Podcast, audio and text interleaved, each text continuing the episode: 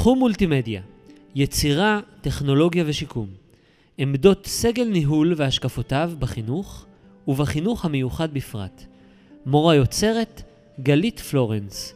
מרצות, דוקטור יפה בן עמי, דוקטור נטע שגית אמרי. תקציר תחום המולטימדיה במסגרות החינוך המיוחד מחבר בין מדיות יצירה ככתיבה, ראייה ושמיעה, למדיות דיגיטליות לשם הבעה וביטוי, יצירת כישורים חברתיים ושיקום.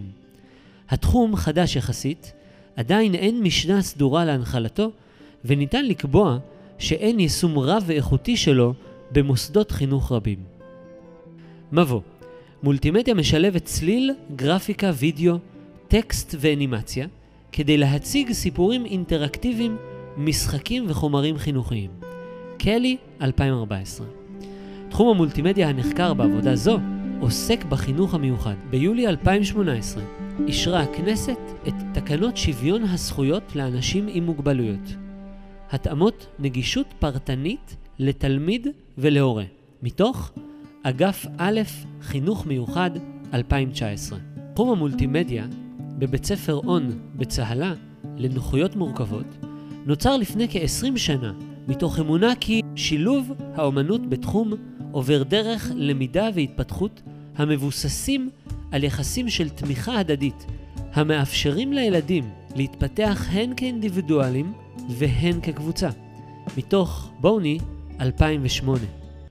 שיטות שיטת מחקר הליך המחקר האיכותני התמקד ברעיונות מובנים למחצה עם ארבע בעלות סמכות בתחום החינוך המיוחד, על מנת לשמור על האתיקה המקצועית, שמן חסוי. מטרת המחקר היא להאיר את תחום המולטימדיה ולזקק מהמחקר תוכנית חשיבה ופעולה למען שימוש בתחום בחינוך המיוחד.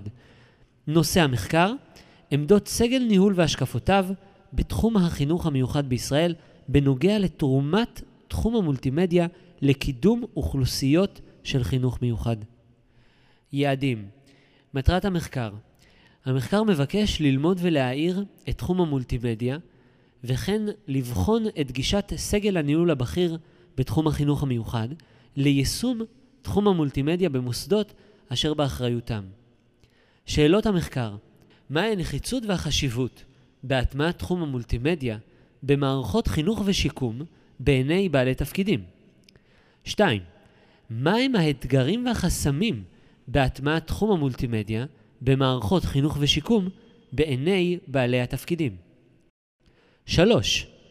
מהם היתרונות והחסרונות בהטמעה של תחום המולטימדיה במערכות חינוך ושיקום בעיני בעלי התפקידים? 4. מהן האסטרטגיות להטמעה של תחום המולטימדיה במערכות חינוך ושיקום בעיני בעלי התפקידים? תוצאות מתוך המחקר עולה כי השימוש במולטימדיה יעיל לאוכלוסיות שיתוק מוחין, CP, נכויות מורכבות ולקויות למידה, אוטיזם, בעיות התנהגות ונוער בסיכון, ולסטודנטים לחינוך במכללה. להלן ציטוטי חוויית המנהלות. התחום מאפשר שיח בחברת שווים. מאפשר עבודה בה כל אחד תורם חלק וביחד יוצרים שלם. רש ג' תקשיבו, זאת שפה. א' ב' הכלי הזה של המולטימדיה מאפשר לכל אחד לעשות משהו בהתאם ליכולת הקוגנטיבית או חומרת הפגיעה שלו, מפרטת ר"ג. התחום משפר את מיומנויות המאה ה-21 ומשפר עבודת צוות.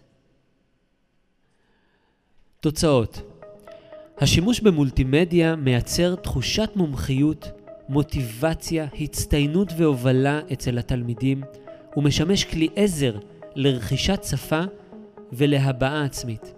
מוביל אנשים להוציא את היצירתיות ואותנטיות שלהם החוצה, בדרכים שהם לא היו יכולים אחרת, מציינת א' ב'. התחום מייצר שיפור ערך עצמי, איכות חיים ורווחה נפשית ורגשית. הוא משמש לפיתוח תקשורת ושיקום. זה האופק המקצועי לתלמידים שלנו. תלמידים שמכאן התחילו וקיבלו בסיס, חלק המשיכו מכאן ללימודים יותר מתקדמים ויצאו גם לדברים מקצועיים. ש"ג בעקבות ההתפתחות המהירה של התחום, יש קושי בהטמעתו, וזאת עקב מחיר הציוד, התוכנות וההנגשה שדורשות היערכות כלכלית. בנוסף, קיימים גם חסמים וחשש שמלווה את לימוד התחום, בעיקר בצוות העובדים הבוגרים, שפחות מורגלים בחשיבה טכנולוגית יצירתית, וכן קושי להתמצא במרחב האינסופי של התחום הטכנולוגי. בעיה נוספת בהטמעתו קשורה להשקעה מרובה של מורי התחום, המחייבת לימוד והתעדכנות רציפה. מסקנות מנהלות המסגרות רואות חשיבות בהטמעת התחום.